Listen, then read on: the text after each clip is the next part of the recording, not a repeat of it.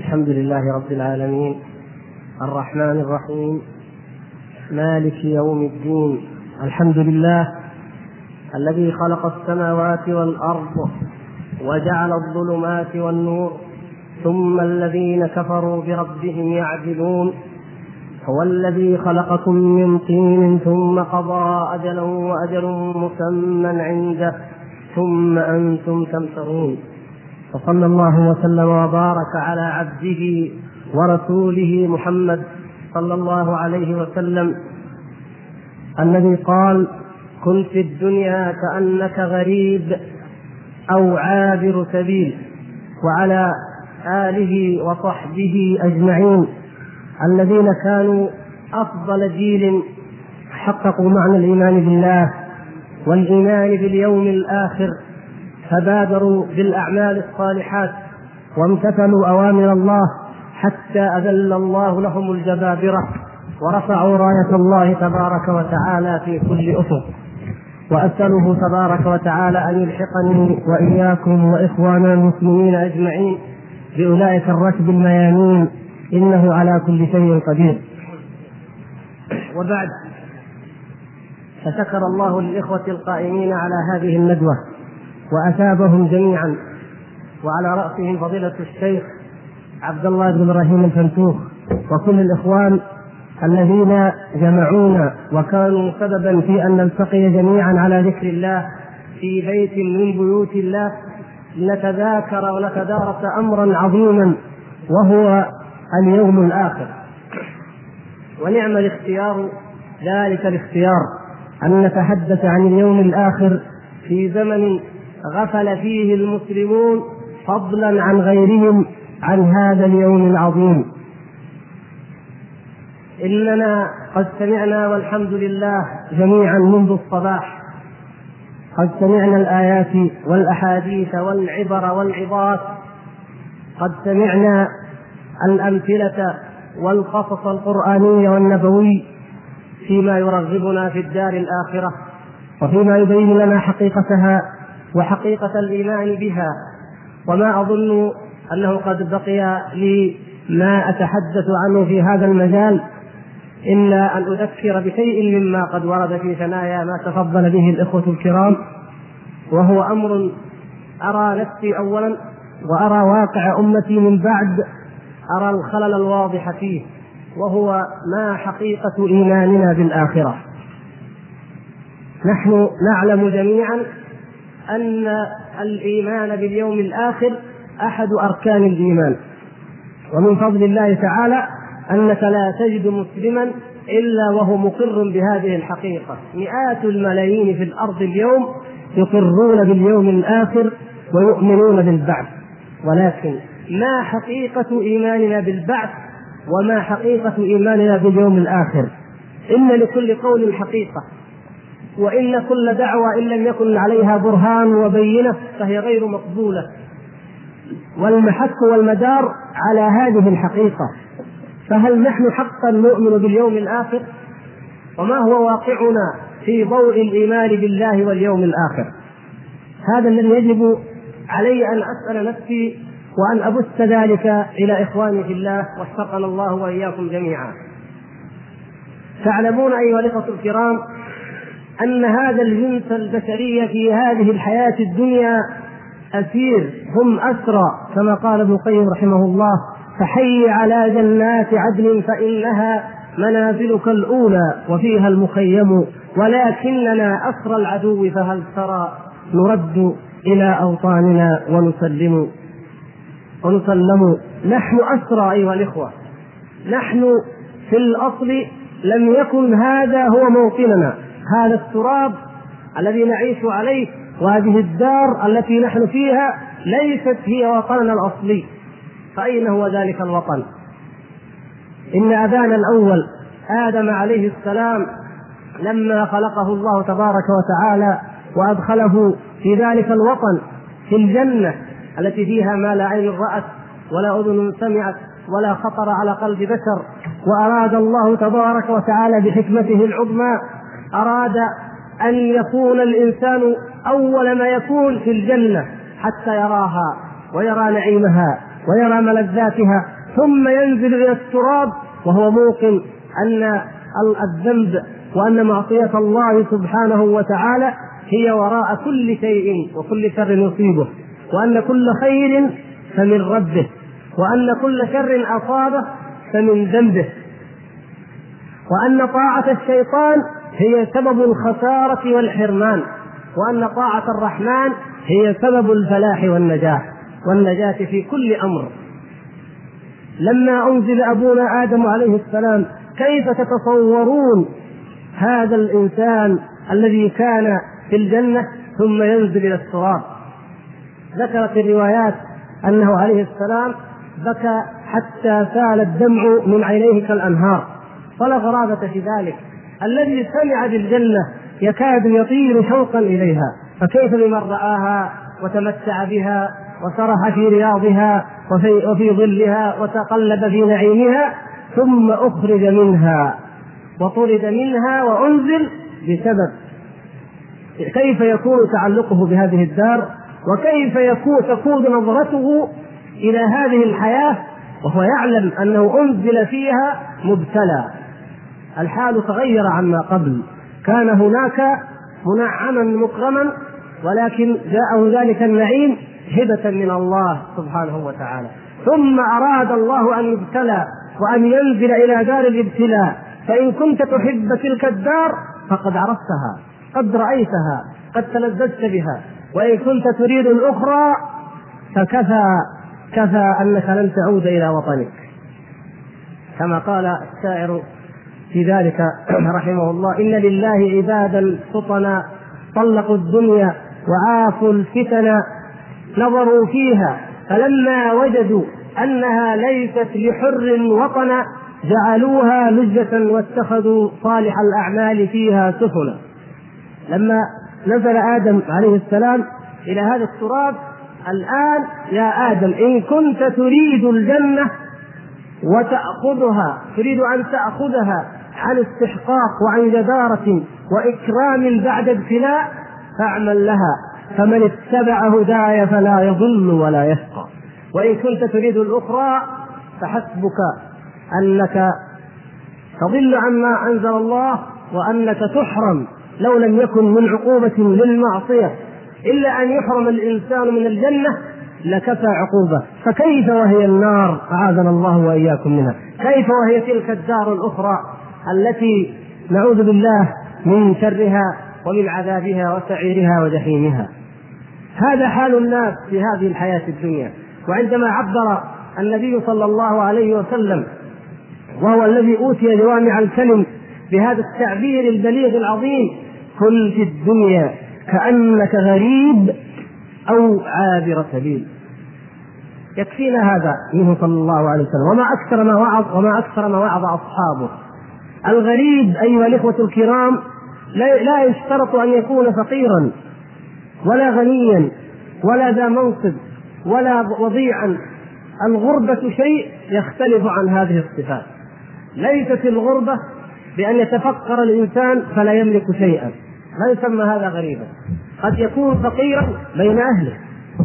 وليست الغربة أن يكون ذا مال وذا جاه فقد يكون كذلك في أهله. ولكن هناك وصف آخر. الغربة. كيف تكون؟ إذا ذهب الإنسان منا اليوم إلى بلاد من بلاد الكفر التي تعز بالضلال والفسق والفجور ولو كان في بلاده ملكا أو وزيرا أو غنيا أو أيا ما كان فإنه يشعر بأنه غريب. لماذا؟ لأنه يريد أن يعود إلى الوطن الأصلي الذي يريد وطنه الذي يألف فيه ويأنس فيه. هكذا لا يأنس المؤمن إلا بلقاء الله وإلا في دار الخلد هنالك. الدنيا سجن المؤمن. مسجون مسجون وأسير محبوس مقيد. لا يعني ذلك أنه كما فهم من ضل في ذلك أنه لا يملك شيئا. لا قد يكون السجين يملك.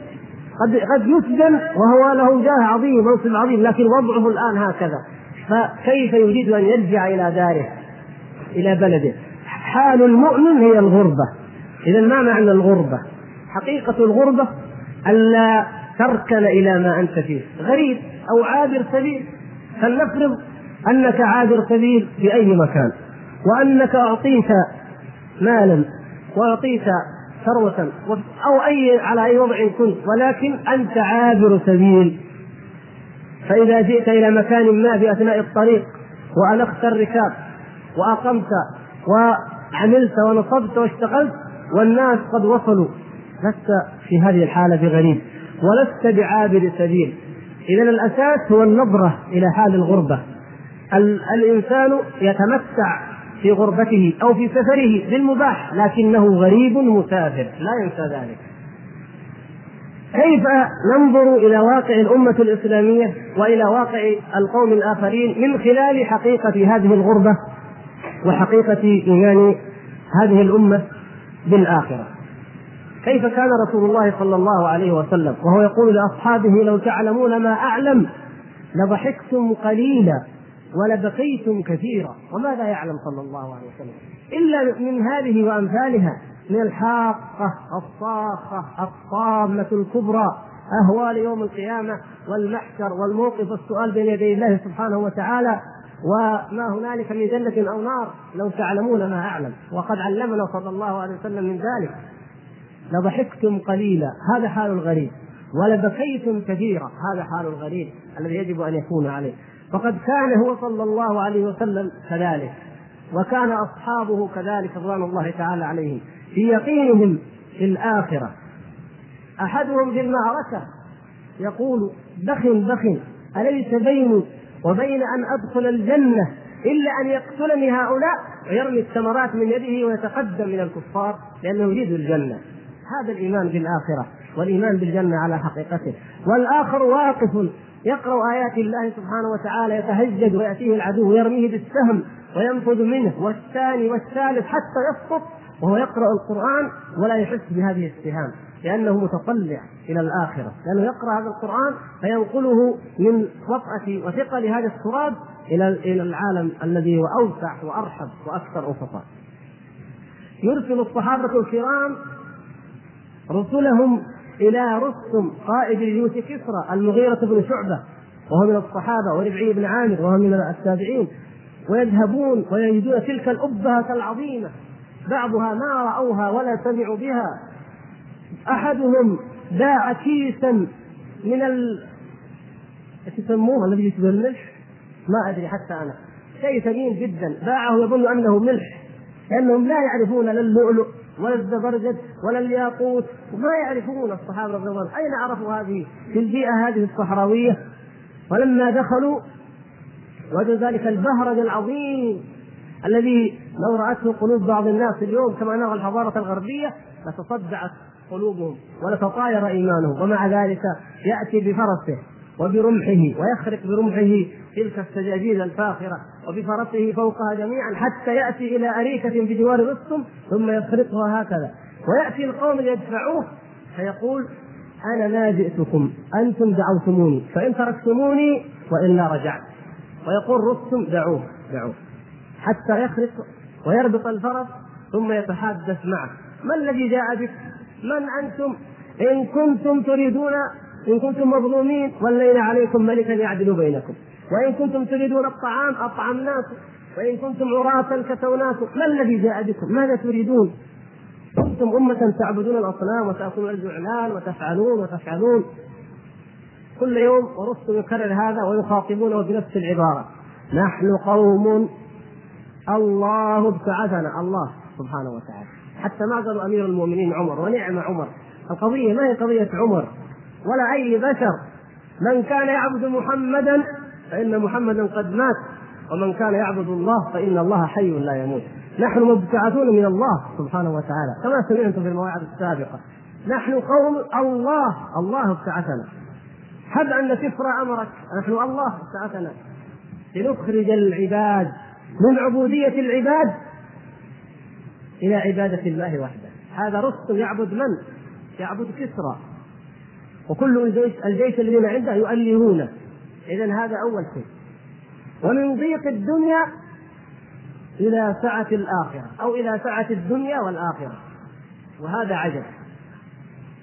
أنت الذي تأتي في هذه الحال المزرية من العراء والحساء وتأتي إلى أصحاب هذه الحضارة والابهه العظيمة.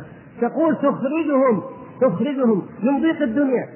إلى ساعة الآخرة، أنت الذي في ضيق، الآن أي إنسان هذا الذي في ضيق.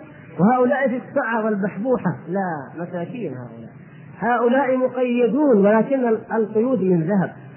الأغلال من ذهب أو فضة. لكن مغلولون. انظروا إلى أي سجين جئت به وقلت نريد أن نسجنك. لكن لأنك عظيم.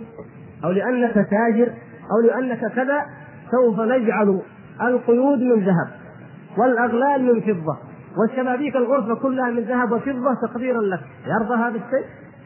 مسجون. ماذا يريد بهذا الذهب وهو يغله ويظل ويقيده؟ هكذا كان.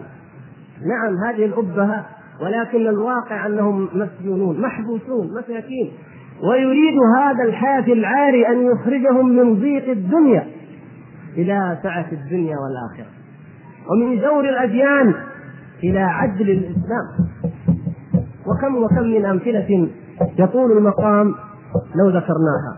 ثم هذا هذا الواقع ما الذي يقابله عند القوم الآخرين؟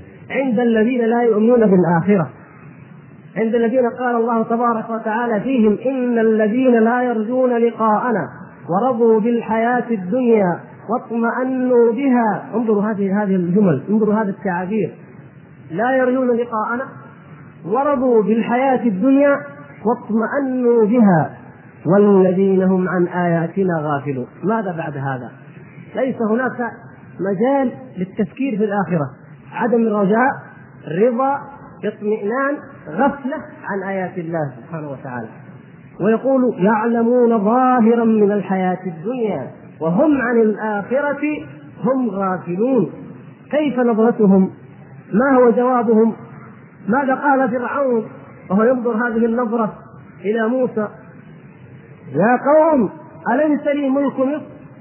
وهذه الأنهار تجري من تحتي؟ أفلا تبصرون؟ ما عندكم عيون؟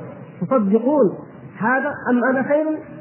أم هذا الذي هو مهين ولا يكاد يبين؟ تقارنون بين الذي يملك القصور والملك وبين هذا الذي لا قيمة له ولا مال عنده ولم تلقى عليه أصورة ولم يأتي معه الملائكة مقترنين ما لكم؟ أين أين موازينكم؟ يستثيرهم كما دعا عليه موسى عليه السلام ربنا إنك آتيت فرعون وملاه زينة وأموالا في الحياة الدنيا.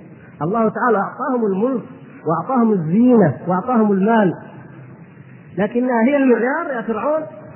أي الفريقين خير مقاما؟ وأحسن نبيا. كفار قريش. من يا يا أيها القوم من خير؟ أبي بن خلف والحكم بن هشام وفلان وفلان الوليد بن المغيرة وفلان. من رؤساء الكفر. خير أم بلال وعمار وصهيب؟ من الذي خير؟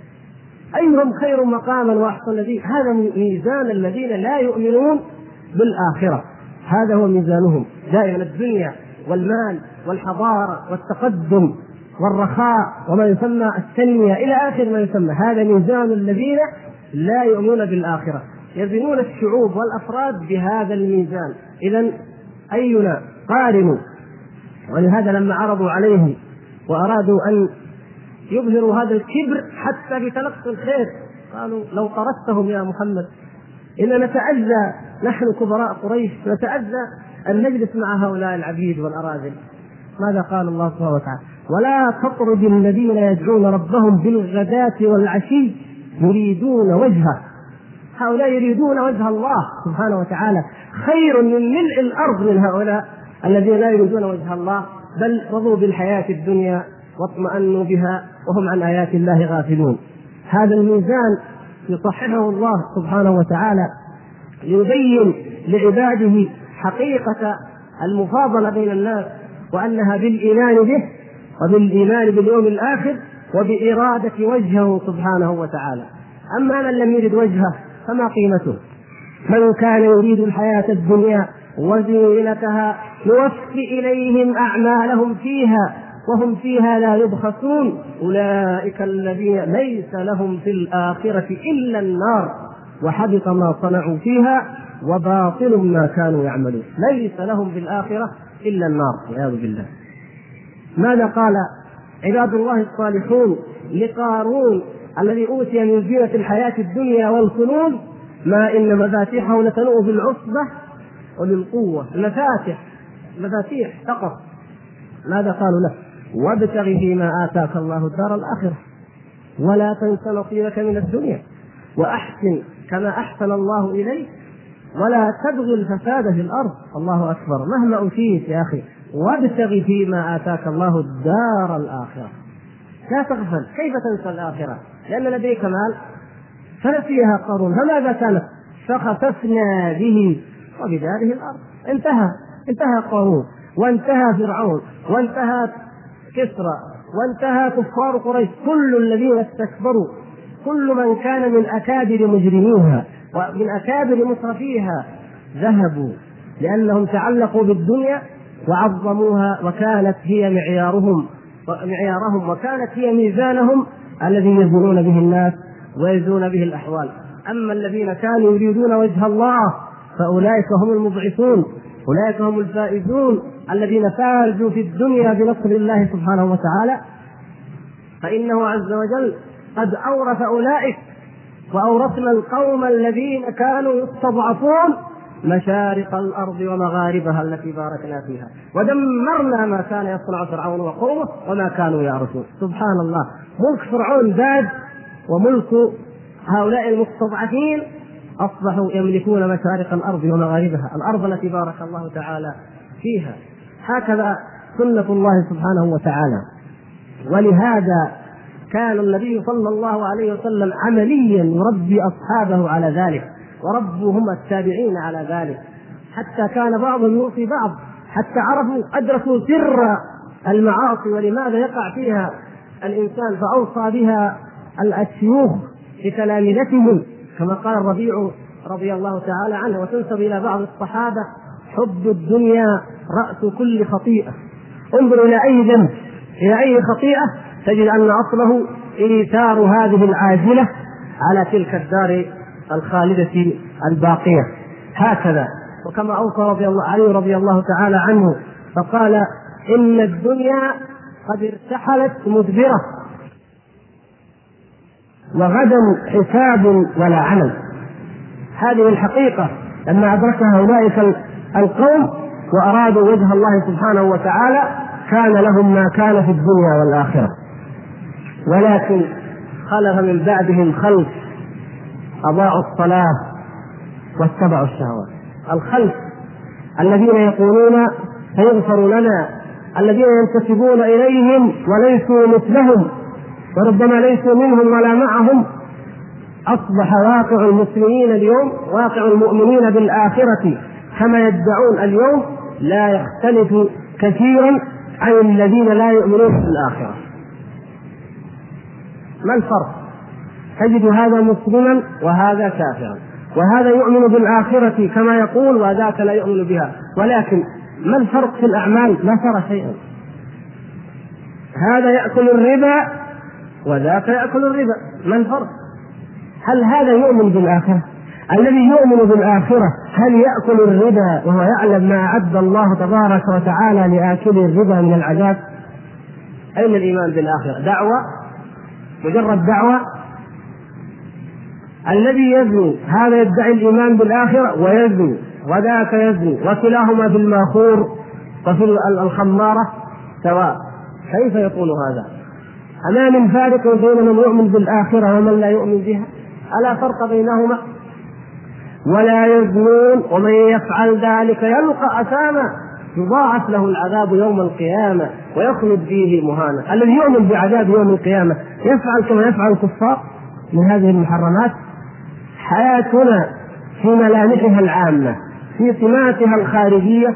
أكثر المسلمين اليوم لم تعد تجد ما تفرقهم به ما تفرق به بينهم وبين الكفار.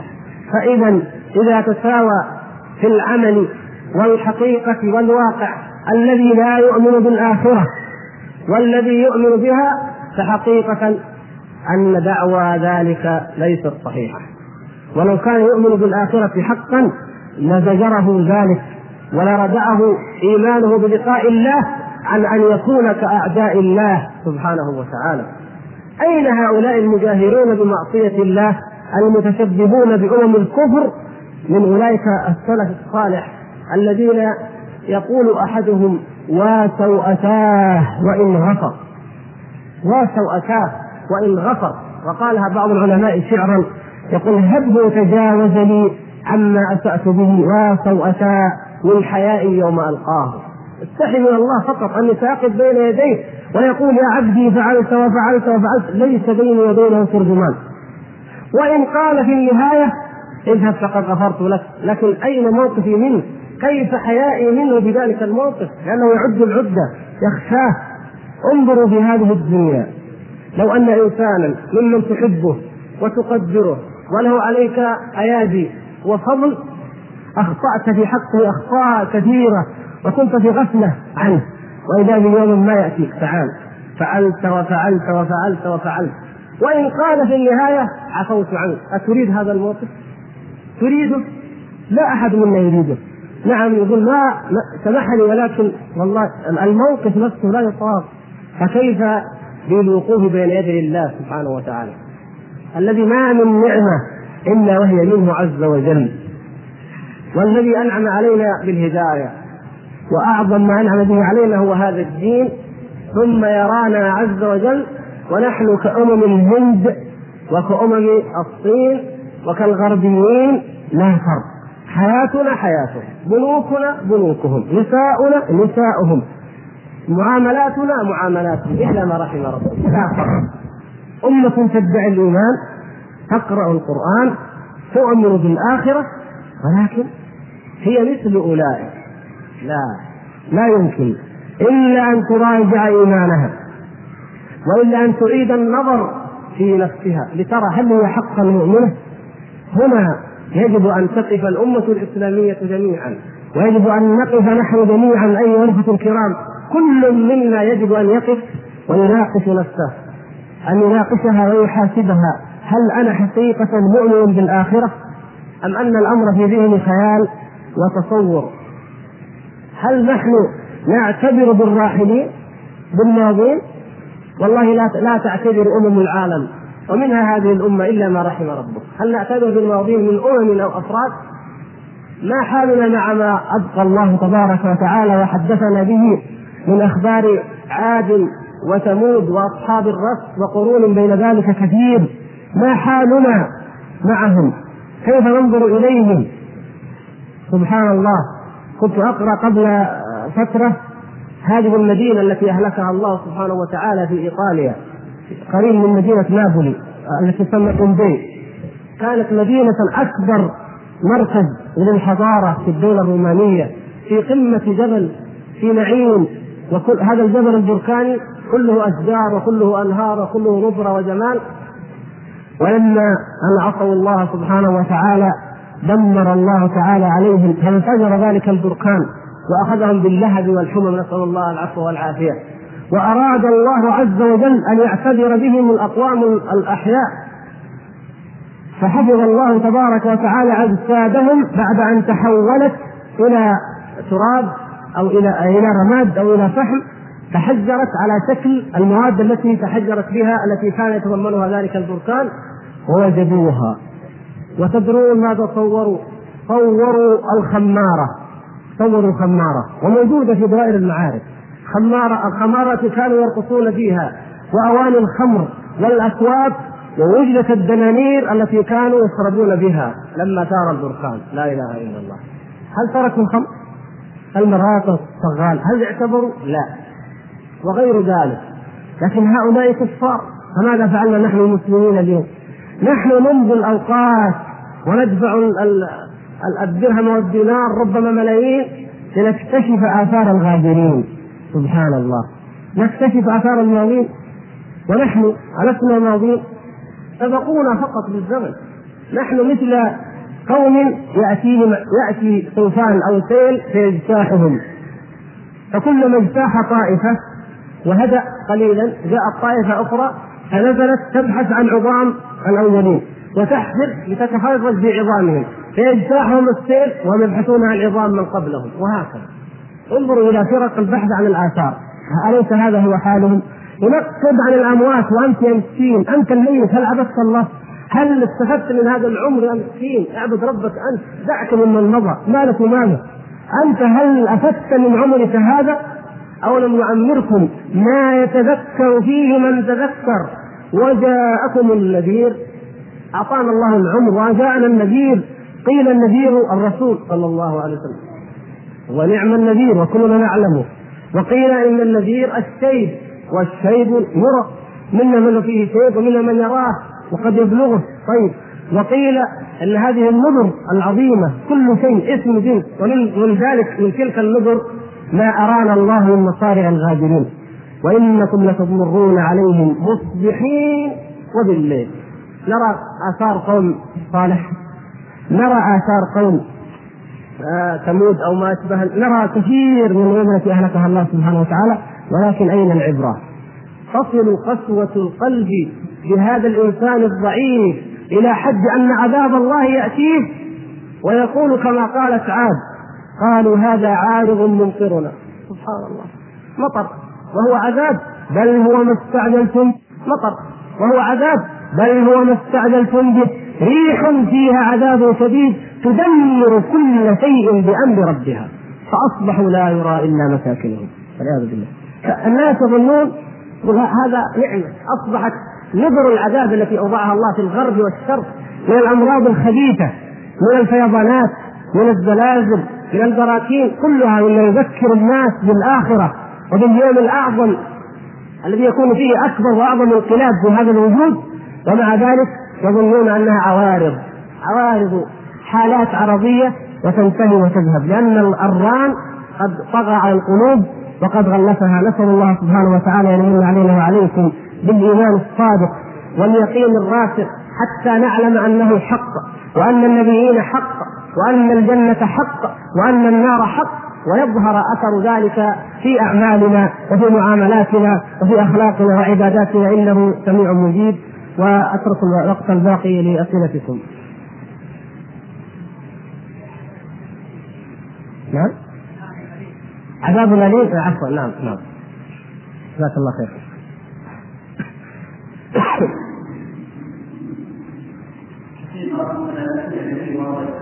كثيرا ولا يمكن لأن أكثرهم يذكر السؤال سؤالا مطولا يحتاج إلى محاضرة بأكملها ولكن قدر الإمكان نحاول أن نلخص هذه الأشياء وأن نضعها فنسأل الله سبحانه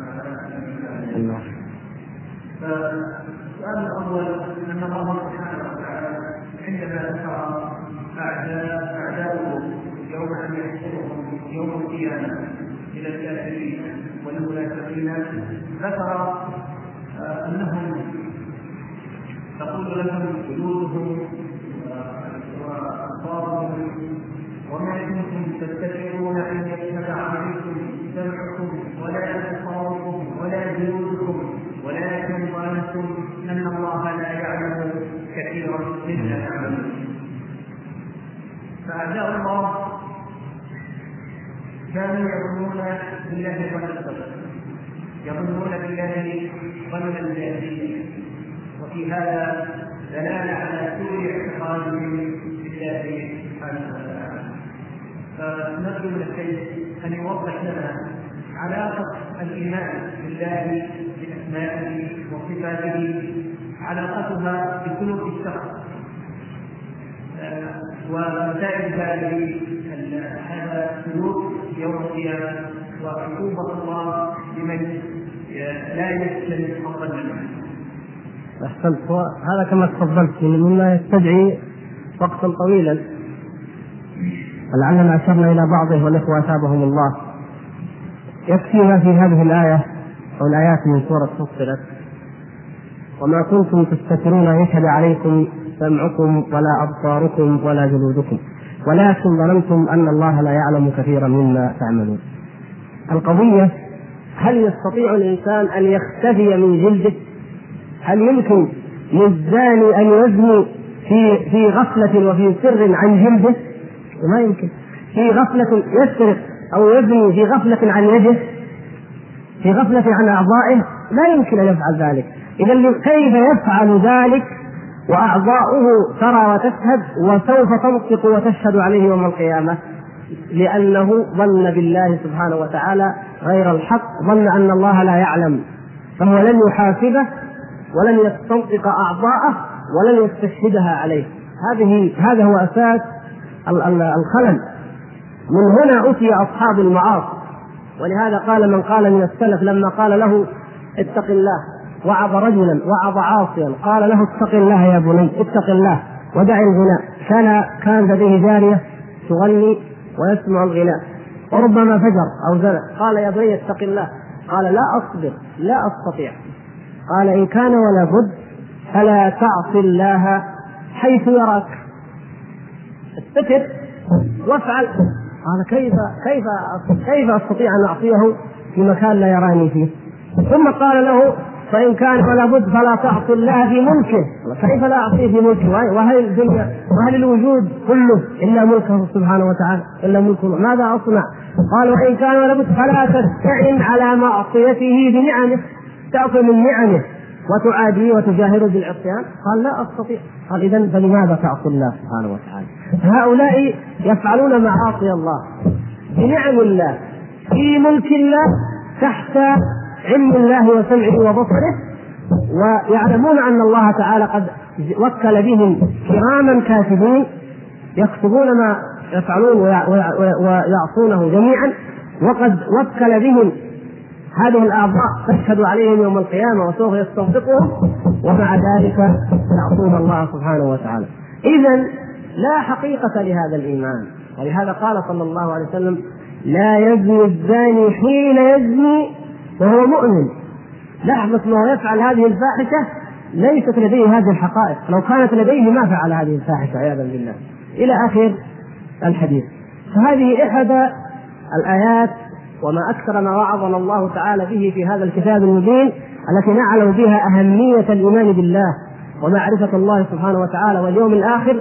ليتحول ذلك إلى حقيقة نعيشها نؤمن بها في أعمالنا وفي جوارحنا.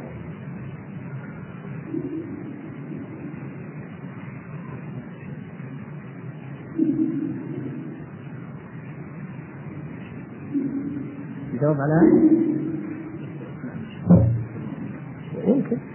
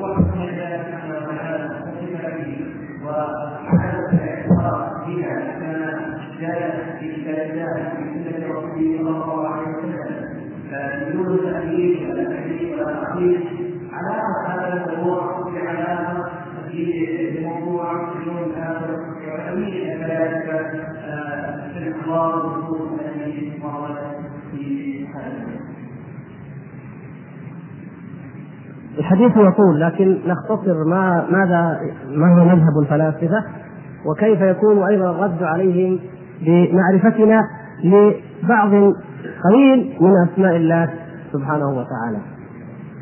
مثلا الفلاسفة هؤلاء كل اليونانيون منهم ومن كان ينتسب إلى الاسلام مثل إبن سينا والرازي الطبيب وأمثالهما وكذلك فلاسفة الغرب اليوم ينكرون اليوم الآخر.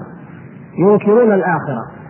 وهم في ذلك سلف خلف لولاية السلف الذين صرخوا وقالوا هل ندلكم على رجل ينبئكم إذا مزقتم كل ممزق إنكم لفي خلق جديد؟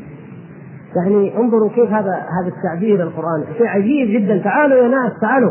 في حاجة غريبة شيء عجيب رجل ينبئكم أنكم إذا متم وتمزقتم كل ممزق أنكم لفي خلق جديد. افترى على الله كذبا. أم به جنة؟ ما حاله؟ كيف يفعل؟ يستغربون ويتعجبون. هذا شيء عجيب. أنهم إذا ماتوا وكانوا ترابا وعظاما وتمزقوا أنهم سوف يبعثون. وهذا كما قال الله تبارك وتعالى بل كذبوا بما لم يحيطوا بعلمه ولما يأتهم تأويله. هذا هو أصل التكذيب. وإلا فإن الله سبحانه وتعالى قد ضرب الأمثلة والبراهين على هذا الخلق والإحياء من واقع ما يرى الناس اليوم. ومن ذلك هذا المثل العجيب الذي يكرره الله سبحانه وتعالى كثيرا في القرآن. أنه سبحانه وتعالى يحيي الموتى يحيي الأرض الهامدة. كذلك تخرجون كذلك النشور. كيف؟ حفنة من التراب في يدك. تضعها على الأرض. تضع عليها قطرة ماء. تأتي حين من الدهر وإذا بها أزهار ألوان الأخضر والأحمر والأصفر وفيها ثمرات مختلفة منها الحلو ومنها المر ومنها الطعوم. سبحان الله. كيف كيف خرج هذا من هذا؟ وهو أهون عليه سبحانه وتعالى. وكلنا خلقنا وبعثنا بالنسبة إليه كنفس واحدة. إلا كنفس واحدة. سبحانه ما نحن لسنا شيئا عند الله سبحانه وتعالى. فالذي خلقنا أول مرة قل كما جاء ذلك الرجل من كفار قريش النبي صلى الله عليه وسلم قال من يحيي العظام وهي رميم. هكذا. من الذي يحييها؟ الذي أنشأها؟ أول مرة. قادر سبحانه وتعالى. وليس في ذلك ابدا ما يمكن أن يكذبه العقل. والأدلة على ذلك كثيرة. لكن هؤلاء لم يتبعوا ما أنزل الله. وإنما قالوا الإسلاميون منهم الذين يدعون الإسلام كابن سينا وله رسالة مطبوعة الآن موجودة الرسالة الاضحويه في حال المعاد. يقول أن المع... البعث بعث روحاني ليس جسمانيا لا حقيقة له مجرد آه، الأرواح هي التي تحشر. سبحان الله. الأرواح من أين أن لك هذا؟ قال حتى نجمع بين ما جاء في القرآن يعني يعني حاله. وبين ما قال المعلم الأول قاتلك الله وقاتل معلمك الأول. وما لنا وما للمعلم وقد علمنا الله سبحانه وتعالى أنه يبعثنا كما أو كأول مرة بل أعظم من ذلك نكون كأبينا آدم عليه السلام في الخلقة ونتمتع بهذا الحور العين وبالنعيم ويقفون في المحشر ومنهم من يظله الله تحت ظل عرشه ومنهم من لا يظله كل هذا أرواح. انظروا اذا إذا لبس الشيطان على الإنسان إذا تنكب وإن الذين لا يؤمنون بالآخرة عن الصراط لناكبون. إذا تنكبوا الصراط فإنهم يظلهم الله يعمي أبصارهم فيحرفون ويبدلون آيات الله سبحانه وتعالى. فمقتضى أنه محيي وأنه مميت أنه لا بد من بعث مقتضى أنه على كل شيء قدير لا بد من البعث مقتضى عدل الله سبحانه وتعالى. يموت الظلمة يموت الجبارون الذين أهلكوا من الأمم ودمروا من الدعاة وهدموا من المساجد وقتلوا من الشعوب الملايين يموتون. ويموت أيضا من عاش في تقوى وخير وإخلاص وطاعة الكل يموت. لو أن هذه الدنيا هي النهاية كيف كيف تكون هذه النهاية؟ الذين لا يؤمنون بالآخرة يا إخوان كما قال الله عز وجل في العذاب والضلال البعيد. بل الذين لا يؤمنون بالآخرة في العذاب والضلال البعيد في حيرة. كيف تكون النهاية واحدة لهذين؟ وكل منهما على طرف نقيض. كيف تكون نهايتهما واحدة؟ الذي يؤمن بالآخرة يقول ليست النهاية واحدة. هذه مرحلة. أما ذاك فقد ذهب إلى غضب الله وإلى عذاب الله وسينتقم الله تعالى منه. وأما ذاك فذهب إلى رضوان الله. وإن ظلم وإن أوذي وإن جرى له ما جرى. فالإيمان بالآخرة يوسع افق الإنسان. ويؤمن بأن الله الذي خلق هذه السماوات والأرض وأنزل الميزان وضع الميزان وأنزل الكتاب بالحق والميزان لا يمكن أن يحيف أو أن يدور في أحكامه. فلذلك لا بد أن يجازي ذلك المسيء باساءته ويجازي ذلك المحسن بإحسانه أما لو أن النهاية هي هذه الحياة الدنيا ما رأيكم في أصحاب الأخدود؟ أحرقهم في الأخدود ورجع إلى ملكه وأخذ يحكم ويأمر وينهى وأولئك أصبحوا فحما في النار الذي يرى الذي لا يؤمن بالآخرة يقول كيف يقع هذا الشيء؟ كيف كيف تكون هذه النهاية؟ المؤمنون النساء الأطفال يموتون هكذا وهذا الجبار الظالم يعيش ولم ولم يخبرنا الله أنه انتقل منه في الدنيا ولا أصابه بشيء، كيف يمكن أن يكون هذا؟ لكن لا يا أخي أنت رأيت شيئا وغابت عنك أشياء سيأتي يوم بعيد هناك حساب طويل هؤلاء سيكونون في الجنة وهذا سيعاقب ويكون في النار إلا أن يتوب كما عرض الله ذلك عليه سبحانه وتعالى.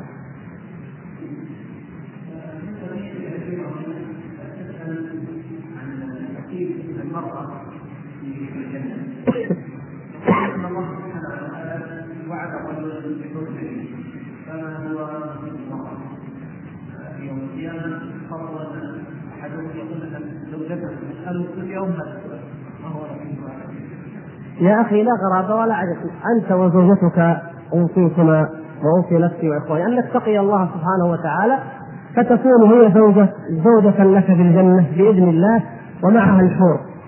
ذاك عالم آخر. نحن نتحدث عن عن عالم الدنيا وغيرته وشقائه ونكد. ذاك عالم آخر. يرضيها الله ويرضي ذلك الرجل. فالذكر والأنثى كل منهما يتمتع. من عمل صالحا من ذكر أو أنثى ما خص الله تعالى واحد منهم فقط فلنحيينه حياة طيبة.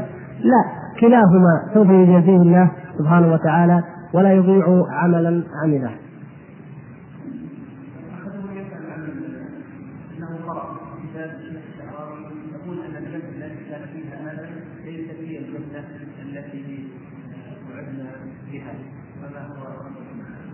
هذا قول قيل من قديم وليس الشعراوي أول من قاله.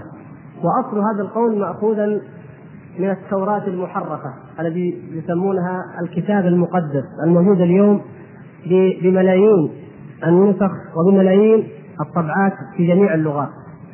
يقولون اليهود لما حرفوه وكتبوا الكتاب بأيديهم وقالوا هذا من عند الله وما هو من عند الله إن جنة عدن قريب من البصرة. على هذه الأرض وأنها بستان وخرج منها آدم وفين راح؟ يعني الإنسان مهما كانت بساتين الدنيا إذا خرجت من بستان إلى الأرض الفارق ليس بكبير فهذا لا شك أنه مخالف لما هو في القرآن وفي السنة لأن الله سبحانه وتعالى وصف النعيم الذي ينعم فيه آدم بأنه دائم لا لا انقطاع فيه لا يجوع ولا يعرى ولا يظمى ولا يضحى وأنه آه، مستمر. هذا نعيم الجنة. وعبر الله سبحانه وتعالى عن نزوله إلى الأرض بأنه انزال انه هبوط أهباط أهبطة. فهذا دليل على انها في الملأ الأعلى. وهنالك أيضا الملائكة حيث سجدوا. فكل الأدلة التي لا نستطيع الآن نستعرضها جميعا حسبنا أن نقول إن هذا القول مناسب لما في الكتاب ولما في السنة وأنه لم يقله إلا من لبس عليه إما كان إما عالما أخطأ في اجتهاده وإما رجلا قلد أهل الكتاب في ذلك وظن أنها جنة في هذه الجنان بستان من بساتين الدنيا. هذا القول باطل ولا يصح وإن كان المقام لا يتسع للتفصيل في الرد عليه.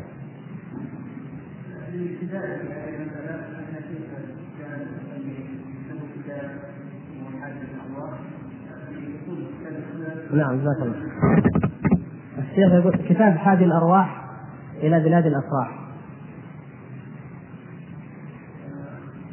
في اسئله كثيره عن الوسوسه وعن اتهام النفس بالرياء وأخرى عن الوسوسه في الصلاه وعن الوسوسه في الطهاره هي الموضوع هذا قوي جدا ولكن نرجو من الشيخ ان يوجد في هذا الموضوع كيف يتم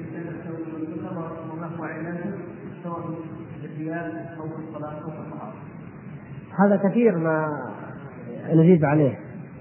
لا يكاد يمر يعني فترة إلا ونجيب عليه ولعلنا لو نتجاوز إلى ما بعده أفضل. لأن عدة مرات قد أجبنا عليه منها الأسبوع هذا الماضي.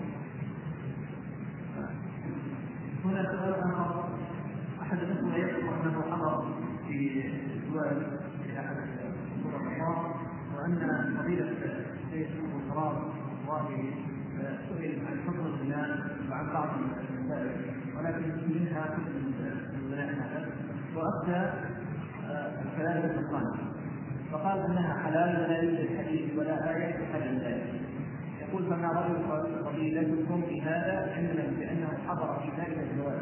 الكثير من الشباب وفتنوا بتلك الفتوى.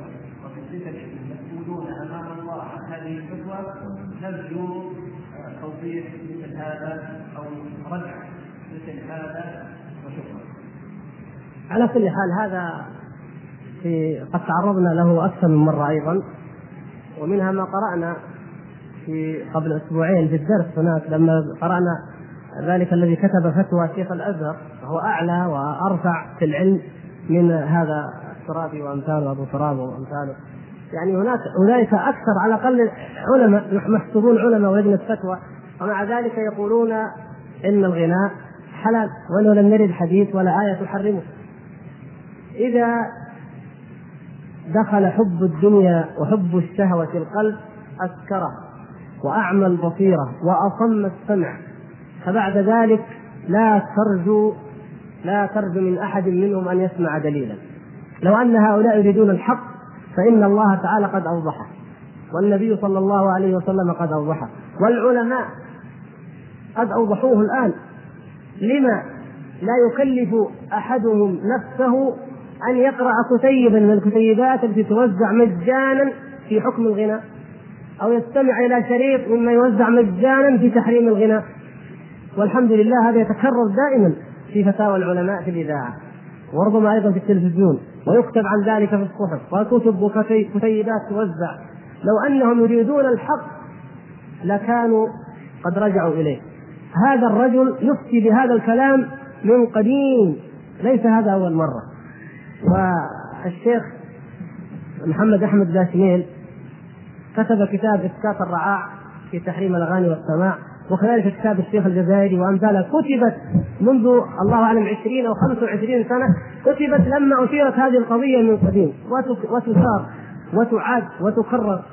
القضية لا تحتاج إلى أن نناقش هؤلاء بالأدلة.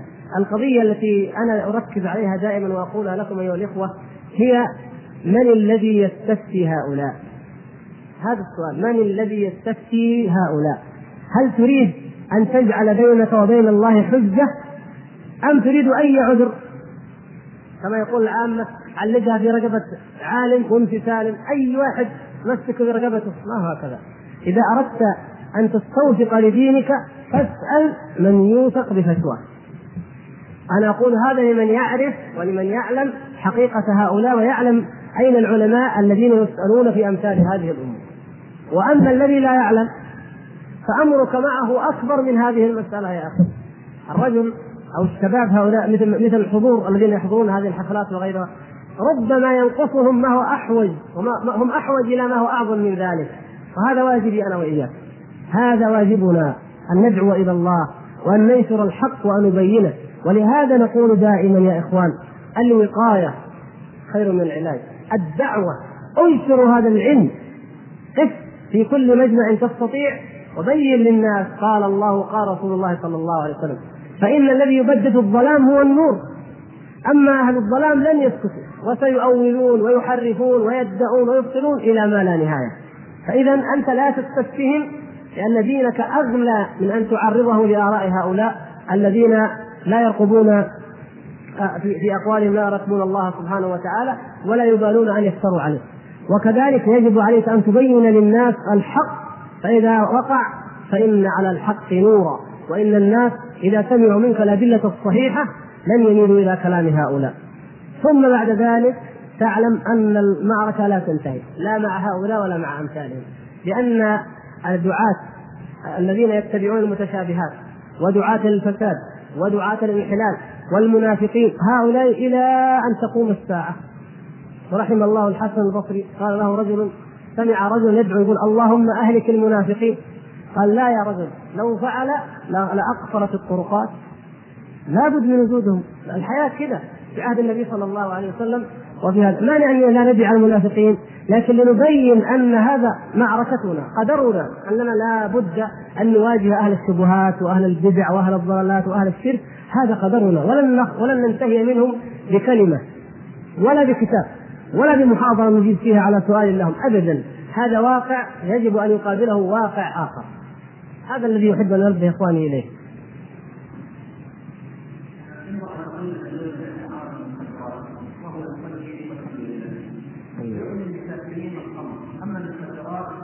فانه لا يؤمن بحقه ويقبل بذلك الايمان قول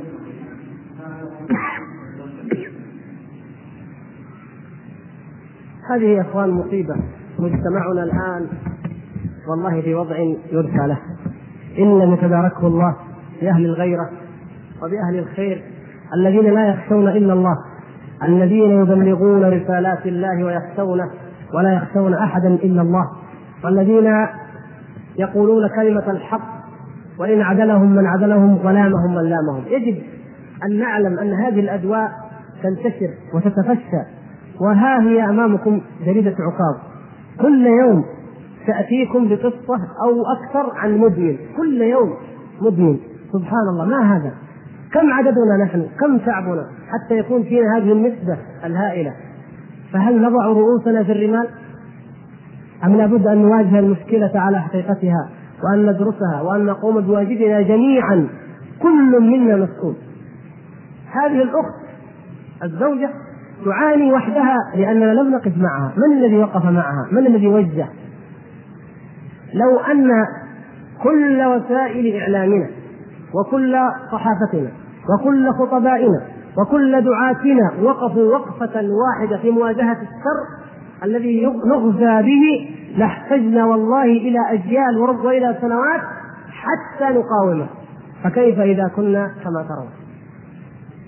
هذا واقعنا. وليست هذه الأخت هي الأخت الوحيدة. سؤال يتكرر كثيرا أمثال هذه المشكلات. إنسان يفتي نفسه بنفسه. يقول الخمر حرام والمخدرات حلال. أنت تفتي؟ أنت تتعاطاها وتفتي؟ وهل تظن أن أحدا يفعل شيئا إلا وهو يبرر لنفسه؟ ويصلي؟ وكيف يصلي؟ وهو إذا تعاطاها قد يفوت الفريضة والفريضتين والثلاث. كيف يكون ذلك؟ كيف ماذا نقول لك أيها الأخت؟ أيها الأخت ماذا نقول؟ واجب على الجميع. يجب على كل إنسان من مركز مسؤوليته أن يتقي الله أن نوجه كل وسائل التأثير إلى الدعوة إلى الخير وأن نقفل كل منافذ الشر. اقرأوا كما أقول لكم عكاظ لتروا أحال المدمنين تتبعتها أياما كثيرة. وإذا به يقول تعلمت الإدمان الإدمان أين؟ أين تعلم الإدمان؟ في السفر نعم. هكذا فيها سافر فأدمن ورجع بإدمانه هنا. إذا نقفل باب الشر لماذا تسافرون؟ ما دام تأتينا بالإدمان وبالمخدرات لماذا؟ وتضيع الأموال. إذا إذا أردنا أن نحسم هذه القضايا فلنحسمها من جذورها وأصولها.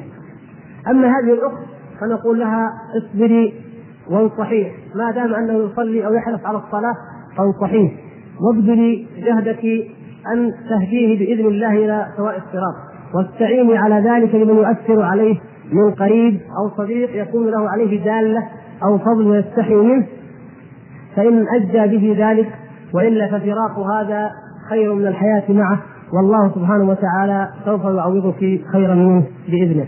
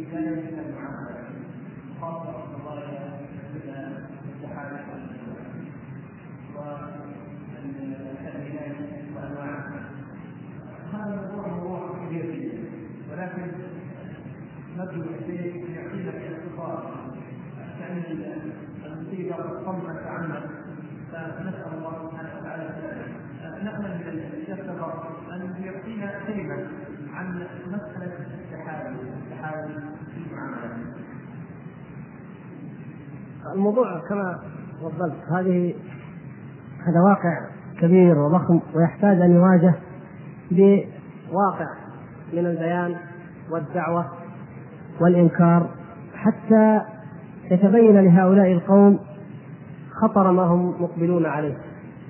ويبدأ ذلك من موضوع هذه الندوة وهو من موضوع الإيمان باليوم الآخر. كيف ينتشر الربا في أنواعه وكيف تنتشر بيوع الغرر؟ وكيف يتحايل على الربا؟ وكيف ينتشر التأمين؟ وكيف وكيف في بلاد تؤمن بالله واليوم الآخر؟ وترفع راية لا إله إلا الله محمد رسول الله. أين قلوبنا نحن؟ أين إيماننا؟ يجب أن يبعث وأن يثار هذا الإيمان وأن يتحرك. مسألة التحايل هذه أصبحت خطيرة والواقع أن الربا الصريح موجود. لكن وجد قوم يتحايلون على الربا فكان عملهم هذا أخبث من ذلك من جهة أن الناس يخدعون بهم ويفرون من الربا إليهم فيكون فيكونون كمن فر أو استجار من الرمضاء بالنار. الذي يرتكب الحرام الصريح على جرمه وصناعته أخف من الذي يتحايل عليه عياذا بالله. ولهذا اليهود هم المثل والقدوة في التحايل حرم الله تعالى عليهم الميتة. طيب الميتة حرام؟ خلاص حرام. فإذا ماتت الميتة ماذا يفعلون بها؟ يأتون بشحمها ويذوبون ويستخدمون في الأمور التي يستمتعون بها ويبيعون ويتاجرون فيه فإذا جاء أحد الميتة حرام ما بعناها؟ ما بعنا الميتة. وإنما ما أكلنا الميتة يعني ما أكلوها باعوها. حرم الله تعالى عليهم الأكل يوم السبت. الله تعالى عليهم ال ال الأكل يوم السبت. ولهذا ذكر قصتهم في القرآن واسألهم عن القرية التي كانت حاضرة السبت. فحدث البحر. فهذه القرية قيل ايلات حرم الله تعالى عليهم أكل الحوت. فاحتالوا عليه بحيل. من قيل منها أن أحدهم كان ينصب الحبل فيأتي السمك فيمسك فيه ثم يأكله. وقيل إنهم كانوا يحفرون الحفر يوم الجمعة ويقع السمك فيها يوم السبت ويأكلونه يوم الأحد ويقولون ما ما, علمنا شيء أكلنا ما أعتدينا في السبت وهكذا. أبواب الحيل من أوسع الأبواب للضلال. وقد كتب شيخ الإسلام ابن رحمه الله في ذلك كتابة عظيمة فيما يتعلق بنكاح التحليل وبين خطر التحايل. وكذلك رد ابن القيم رحمه الله سبحانه وتعالى ردوا على على من يجيز فقه الحيل ممن ينسب الحنفية وإلى غيرهم وبينوا خطر هذا التحايل فتحايل على من؟ على الله سبحانه وتعالى من أمثلة التحايل الموجودة أن الإنسان لا يريد أن يقترض ان ان أن يرابي ربا صريحا من بنك فيذهب إلى صاحب سلعة فيشتريها بثمن ثم يبيعها ثم يقبض ذلك الثمن كما هو معروف ومشهور بكم الان هذه حيلة صريحة على الربا وهي أشنع من ارتكاب الربا نفسه. يا إخوان والله لا ينقصنا معرفة الأحكام. والدليل على ذلك أنه يسألني عن هذا الشيء عوام كثير عوام عارفين إنه حرام. ما ينقصنا الأحكام، الأحكام العلماء يقولونها ليل نهار وخطباء الجمعة ونقرأ. ينقصنا أكثر شيء أن يكون لدينا إيمان بأن نقول سمعنا وأطعنا. وما كان لمؤمن ولا مؤمنة إذا قضى الله ورسوله أمرا أن يكون لهم الخيرة من أمرهم. أننا لا نختار. إذا قضى الله أمرا إذا جاءنا حديث صحيح بأمر أمر أن نقف عند أمر الله ورسوله. هذا الذي نريده. والتحايل هو أحد الظواهر الدالة على ضعف الإيمان في قلوب الناس. لأننا اصبحنا كاليهود والعياذ بالله نتشبه باليهود. فتشبه بهم من تشبه. حتى الذين لا يجرؤون أن يقولوا للناس هذا حرام. واتلوا عليهم نبأ الذي آتيناه آياتنا فانسلخ منها فأتبعه الشيطان فكان من الغاوين. ولو شئنا لرفعناه بها ولكنه أخلد إلى الأرض واتبع هواه. الذين لا يجرؤون أن يقولوا هذا حرام أو يسكتون نعوذ بالله أن يكونوا من أولئك هؤلاء مثل ذلك الذي أخلد إلى الأرض. واقرأوا ما قال ابن القيم رحمه الله في تعليقه على هذه الآية وعلى هذا الصنف في كتاب الفوائد. لأن كل من آثر الدنيا على الآخرة فلا بد أن يقول على الله بغير علم. كل من يساهم في الشركات الربوية لا بد أن يقول إنها ليست ربا لأنه ساهم فيها. لأنه لما آثر الدنيا على الآخرة لا بد أن يضيف ذنبا آخر عياذا بالله وهو ذنب الافتراء على الله وهو أكبر من من أكل الربا وهكذا. فلنتق الله سبحانه وتعالى. كل منا مسؤول أمام الله سبحانه وتعالى عن هذه الأمور. تفتك بنا. الآلاف يوميا تمر علي الافيا وسألتهم قالوا آلاف آلاف من الناس يتعاملون بهذه المعاملات شركات التأمين وشركات هذه التي تبيعهم بهذه بالعينة وبالحيلة على الربا. نسأل الله أن يردنا إليه ردا حميدا وأن يهدي قلوبنا وأن يجعلنا ممن يؤثر الدنيا ويؤثر الآخرة على الدنيا ولا يؤثر الدنيا على الآخرة. أنا عارف يا اخوان أنا اقترع على الإخوان ما دمنا الحمد لله مندوبو الدعوة موجودين موجودون الآن أن تخصص ندوات لهذه القضايا أن تقام ندوة أو أكثر عن التأمين وندوة أو أكثر عن التحايل تبسط فيها الأدلة وتوضح ولا يكتفى بندوة في في في المسجد بل أيضا تلخص وتكتب تنشر في جرائد في كتيبات لينفع الله سبحانه وتعالى بها لأن هذه الأمور يعيشها الناس يوميا ليست آه، قضية عابرة ليست سؤالا وجوابا هذا واقع كبير. فيجب علينا أن نوجه الدعوة إلى الله لإصلاح هذا المجتمع من خلال ما نرى فيه. ولا سيما بهذه السنوات عندما آه، الناحية المادية بدأت تطغى على الناس أكثر من ذي قبل فأخذوا يتلمسون الحيل والمخارج لجمع المال من أي طريق. وأي ظاهره كظاهره المخدرات ظاهرة التعامل مثلا مع المدمنين أو مع المبتدعة أو مع العصاة كيف تتعامل الزوجة كيف يتعامل الابن؟ هذه دائما الأسئلة تأتي فيها. فأنا أرى أنه يجب أن توضع ندوات وتخصص لهذا ويحضر فيها وتعد اعدادا جيدا وتستوفى كتابة وبحثا وبعد ذلك أيضا لا يكفي المسجد أو اركز على هذا بل تنشر في كتيبات وتنشر أيضا في الجرائد أو في أي مجلات ما أمكن لتقوم الحجة ولو بعض الشيء.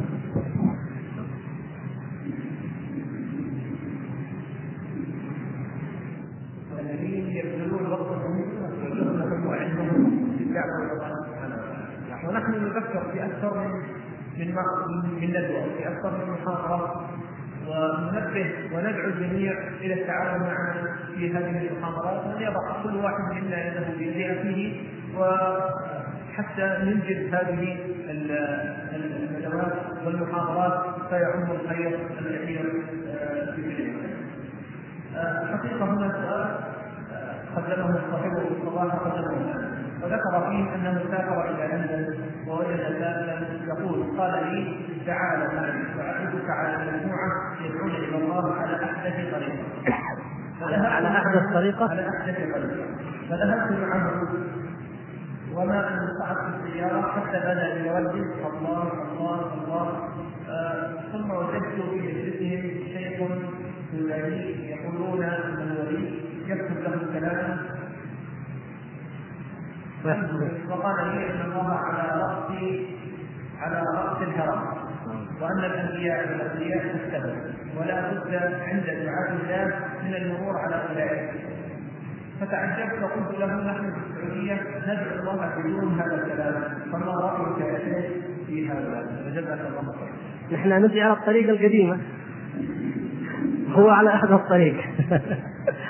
فالحمد لله اننا ندعو على الطريقة القديمة المتبعة المأثورة. ولكن حقيقة أن دعوة هذا الرجل وأمثاله ليست حديثة.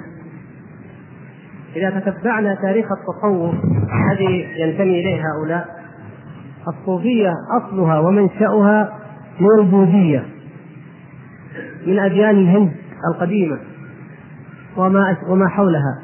فهي بطقوسها وشعائرها كثير من عقائدها المبثوثة الآن في الإسلام التي يقال إنها هي الإسلام نجد أصولها في الفيدة.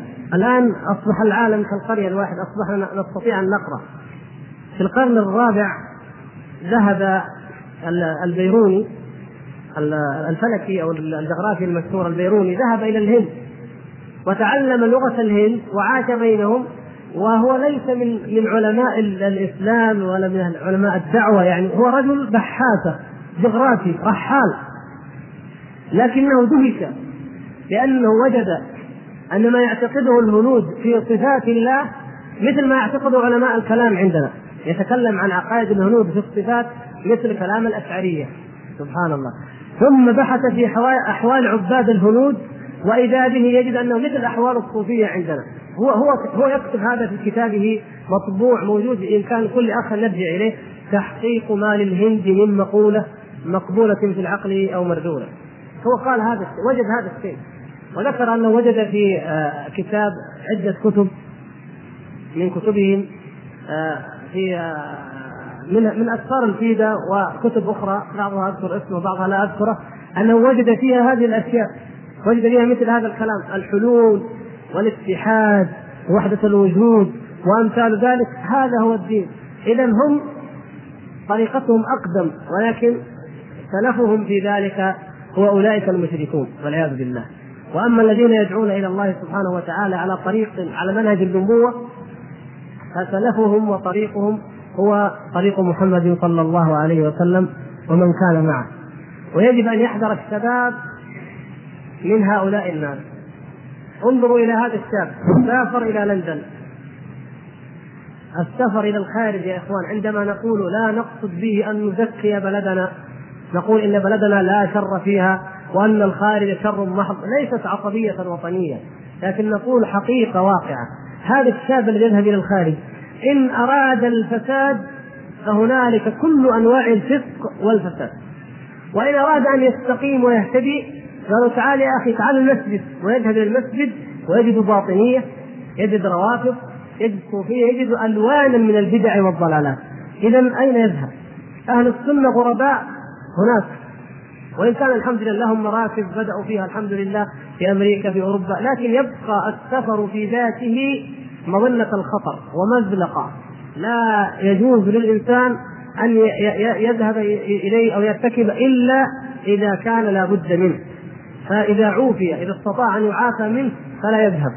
ولا ننصح الشباب أن يذهبوا إلا من كان لا بد أن يسافر ومن كان في علمه وفي عقيدته متمكنا قويا.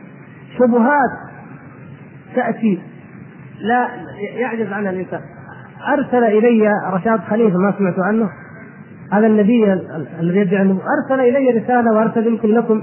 أرسل إلى ناس كثير إن لم تؤمنوا بي. وتؤمنوا بنبوتي فكذا وكذا يتوعدنا. يقول لازم نؤمن برسالته والله. أرسل إلى الناس كثير أرسل إليهم في الجامعات وفي غيرها. رجل مصري يعيش في أمريكا ادعى النبوة. ورجل آخر وأكثر من واحد أمريكان أنصار الله والبلاليون وكلها طوائف فيها من الكفريات ومن الضلالات ما الله به عليم. هذا مجتمع الإسلام في أمريكا. هذا المسلمون. فما بالك بمجتمع الالحاد والكفر؟ لذلك يا إخوان نحذر من السفر إلى الخارج إلا في الشروط التي أسلفنا. ونعلم أن واجبنا عظيم في الداخل وفي الخارج وأن أولى وأوجب بلد أن يرد على هذه الأفكار هو أهل هذه البلاد وأبنائها وشبابها. فإذا كنا كما تفضل الأخ بدر عجزنا أو لم نتعاون مع جهود الدعوة في جده في أحيائنا فمن للعالم الإسلامي ومن لهذه الأمة جميعا؟ الله المستعان.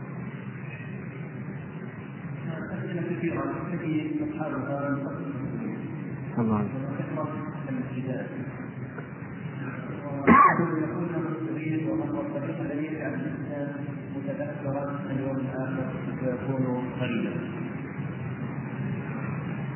يحقق الغربة. نسأل الله سبحانه وتعالى أن يجعلنا من الغرباء الذين يتمسكون بسنته صلى الله عليه وسلم عند فساد أمته.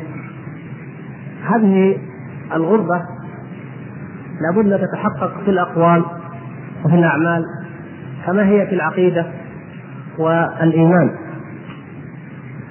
هذا الغريب لا يألف إلا بغريب ولا يألف إلا بغريب مثله وكل غريب للغريب نسيب معنى ذلك أن الإنسان لا يخالط أهل الشر. إذا كنت تريد أن تكون غريبا لا تخالط أهل الشر والفساد. لا تقرأ هذه المجلات والكتب الخبيثة لأن الغريب لا يطمئن إليها وإنما الغريب يقرأ الشيء الغريب وهو الحق الذي أصبح غريبا في ولو نسبيا. الغريب يعد العدة للارتحال وهكذا يجب أن نكون جميعا أيها الإخوة أن نعد العدة للارتحال إلى الدار الآخرة وما أقربها. فإن الجنة أو النار أقرب إلى أحدنا من شراك نعله. وما بين الإنسان وبين أن يدخل الجنة أو النار إلا أن يقال مات. ولو قيل لك الآن إن عن أي إنسان في هذه الدنيا مات تصدق. ولما وما المانع؟ موت كلنا. كما قال الحسن رحمه رضي الله تعالى عنه يقول ما رأيت شكا أو ما رأيت يقينا لا شك فيه أشبه عند الناس بشك لا يقين فيه من الموت. هذه حقيقة. يجب أن تكون حاضرة في أذهاننا. ولهذا عبد الله بن عمر رضي الله تعالى عنه لما ذكر هذا الحديث الذي سأل عنه الاخ كن في الدنيا كأنك غريب أو عابر السبيل قال إذا أمسيت فلا تنتظر الصباح. بين لنا كيف نصدق هذا الحديث. إذا أمسيت فلا تنتظر الصباح وإذا أصبحت فلا تنتظر المساء. وخذ من عافيتك لمرضك. وخذ من حياتك لموتك ومن صحتك لمرضك ومن حياتك لموتك. هذا هو الغريب. لا يشعر بأن هذه الدار داره وأن هذا الوطن وطنه وإنما همه الآخرة. يريد ماذا؟ يريد وجه الله سبحانه وتعالى. يخاف من من؟ يخاف من الله. يرضي من؟ يرضي الله سبحانه وتعالى. يتبع مراضي الله وإن سخط الناس وإن غضبوا وإن لاموا وإن عكروا ويترك ما حرم الله وإن غضب الناس وإن لاموا وإن عدلوا وإن عتبوا. هكذا يجب أن يكون الإنسان فيكون غريبا. كما كان الصحابة الكرام غرباء هجرهم الأهل والأقارب والناس أجمعون. ونحن اليوم وإن كان مجتمعنا والحمد لله فيه قدر من الخير لو حركناه لكان شيئا عظيما. لكن نحن بالنسبة لأمم العالم غرباء ما رأيكم؟ نحن على ما فينا الآن. مجتمعنا غريب في العالم. الآن ما يصدقون في أمريكا أنه في القرن العشرين الزاني يرجم؟ ما يصدقون. ومع الأسف نحن بعضنا الآن أحيانا يتخفى ما يبغى يظهر هذا الشيء. يقولوا حب يا أخي هذه علاقة حب. كيف يرجم؟ هذا دليل على أننا غرباء. لأن العالم كله أصبح يجعل هذه الفاحشة مثل الماء والهواء عياذا بالله. ونحرم الخمر وأكثر البلاد يشرب فيها الخمر علانية هذه غربة أيضا. هذه من الغربة. نحتكم إلى إلى إلى الكتاب والسنة. وغيرنا يجاهر بالقوانين الوضعية. هذه غربة. يجب علينا أن نحقق الغربة الكاملة في مجتمعنا. ولهذا كما أشرنا إذا أيضا تخلصنا من الربا من التبرج من الانحلال والفساد الذي نتشبه فيهم فيه حققنا هذه الغربة بشكل أكبر. لكن إذا كنا مثلهم في جانب وإن خالفناهم في جانب لا نكون غرباء بالمعنى الحقيقي. يجب أن نتحقق أن تحقق فينا ذلك وسوف نظل غرباء بقدر ما نكون متمسكين بهذا الدين. ولكن النصر هو لهؤلاء. هو لهذه الفئة الغريبة التي ترجو الله واليوم الآخر وتقوم بأمر الدعوة إلى الله والأمر بالمعروف والنهي عن المنكر. سوف يذل الله سبحانه وتعالى لها الدنيا جميعا. وهو على كل شيء قدير سبحانه وتعالى. لا يعجزه شيء. وليس تأخير النصر عن المسلمين اليوم إلا لأننا نحن لم نستكمل شروط النصر. ليس لأن الله تعالى يخلف الميعاد. الله لا يخلف وعده. إنا لننصر رسلنا والذين آمنوا في الحياة الدنيا. ويوم يقوم الأشهاد. لماذا لم يأتي نصر الله؟ لأننا نحن لم نستكمل شروط النصر أما أعداء الله فهم أهون عليه عز وجل من الجعلان. ولو شاء لأهلكهم ودمرهم لكن نحن يجب أن نكون كذلك. فإذا لم نكن أمة الإسلام كما أمر الله فماذا يريد أن يفعل الله تعالى بأعدائنا؟ نسأل الله العفو والعافية.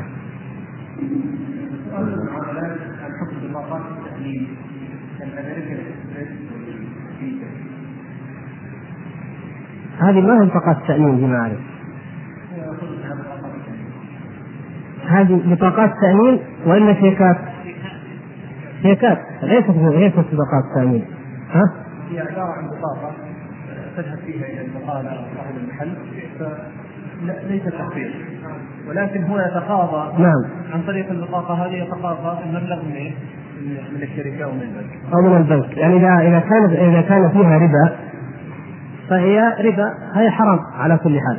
وإما إن كانت يعني أشبه بالحواله حواله أو الضمان فليست كذلك. لكن ليست هي هذه باب التأمين الذي يعرف هذا ليس تأمينا وإنما هو عبارة عن تسهيل في إجراءات البيع والشراء حتى لا يحمل الإنسان النقود العينية. نعم. لأن حمل النقود يعرضه للخطر. العالم اليوم عالم لا غير آمن. الله عز وجل سلب منهم نعمة الأمن لأنهم عصوا الله سبحانه وتعالى. فهو لا يأمن. ولهذا توجد هذه البدائل بديلا عن حمل النقود. على كل حال كل من هذه الأشياء آه، أنا أقول واكرر ما قلته أنها تدرس بالتفصيل لتعرف حقيقتها. فإن كان الأخ لديه تفصيل عنها يمكن نكتبها بالتفصيل إما أن نجيبه أو نسأل عنه من هو أعلم منه. لكن فيما اعترف أعرف أنه ليست هي في الأصل للتأمين. هي ليست للتامين ولكن نعم. يكون نتيجة أخذ هذه الأموال واستثمارها في البنوك عن طريق الربا. إيه كان هذا هو الوضع. إيه هذا هذا لا يجوز إذا كان بهذا الوضع فيكفي فيه أن يكون إعانة لأكلة الربا. نحن الأمة التي أمرها الله سبحانه وتعالى أن تأمر بالمعروف وأن تنهى عن المنكر وأن تتعاون على البر والتقوى نصبح معينين لأكلة الربا. مثل الذي يضع ماله في البنك ويقول لا أخذ الفائدة. يعطيهم الأموال يتاجرون فيها ويأخذون فائدتها ويربحون ويقول أنا ما فعلت شيء فعلت شيئا عظيما يا أخي. لولا أموال هؤلاء ما كانت هذه البنوك الربوية. كيف لم تفعل شيئا؟ فعلت شيئا كبيرا وهو أنك أعنت على الإثم والعدوان. يجب أن نعرف أمثال هذه المعاملات وخطرها. في هذه الآونة الأخيرة نشر مقال مطول عن التطوير بهدف خدمة الدعوة مثل تطوير حلقات تحفيظ القرآن ونشرت ونشرت المقال جريدة الفتاة عن بعض العلماء الشيخ ابن عثيمين الشيخ المريسي والشيخ البزار والشيخ ونشر هذا الموضوع على أنه لا بأس بذلك إذا كان في سبيل خدمة الدعوة. الحقيقة أحدث هذا الموضوع بلبلة كثيرة. فما رايك فما رأي فضيلتكم في ذلك؟ كل شيء تكلم فيه العلماء فنحن تبع لعلمائنا. وما اختلفوا فيه فإننا نحن نجتهد أن نتبع أقربهم إلى الكتاب والسنة والحق. هذه المسألة ما نسب إليهم وما كتب إن كان حقا فهذا اجتهادهم. وكل منهم اجتهد. وهم مختلفون كما رأيتم وقرأتم. منهم من ضيق ومنهم من وسع. هذا إذا كل منهم قال اجتهاده الذي رآه وإن كان نسب إليهم خطأ فهم أولى بأن يصححوا ويقولوا لم نقل هذا الشيء. والذي أنا أراه في هذه المسائل أننا نترفع أصلا عن إثارتها. أليس الموضوع اليوم؟ ليست قضيتنا اليوم. قضية مسألة اختلف فيها من, من أمثال هذه المسائل. هل تصوير حلقات العلم والخير أنفع للدعوة أو ليس لمصلحتها أو شيء؟ نحن قضيتنا أبعد وأكبر من ذلك. الآن المحرمات الصريحة والشرك الصريح والبدع الواضحة يجب أن يكون لنا فيها شغل شاغل عن هذه الأمور. أما هذه الأمور إذا وقع منها ما يقع فإن كان الإنسان ممن يرى أن ما وقع من قبيل ما هو جائز باجتهاده هو أو اجتهاد من يرى آه، فتواه من العلماء فهذا على كل حال قد وقع ما هو يراه حلالا. وإن كان يرى غير ذلك فلا يتخذ من الصحف ميدانا للإنكار. المجتمع في غنى أن نثير فيه لديه قضايا بعيدة عن واقعه. ليست مشكلة الناس اليوم أنهم يتصورون في المساجد. أو لا يتصورون متى متى صارت هذه المشكلة؟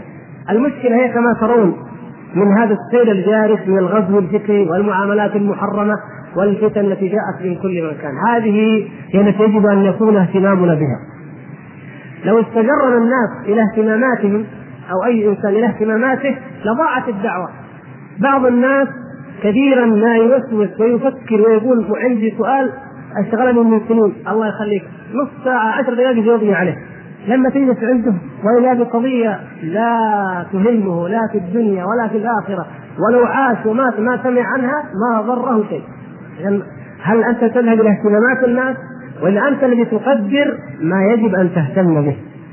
فأنا الحقيقة لا أرى نشر أمثال هذه الموضوعات بكاتا. مسائل منتهى منها مفروغ منها معروف ماذا يقول هذا الشيخ وماذا يقول هذا الشيخ. لا داعي أن نعيدها كل يوم ونقول أنت ترى مع من يوسع المسألة أو مع من يضيق عليها. لو أن هذه الصفحة أشغلت ببيان الربا التأمين أمثال هذه الأمور لكان خيرا للناس.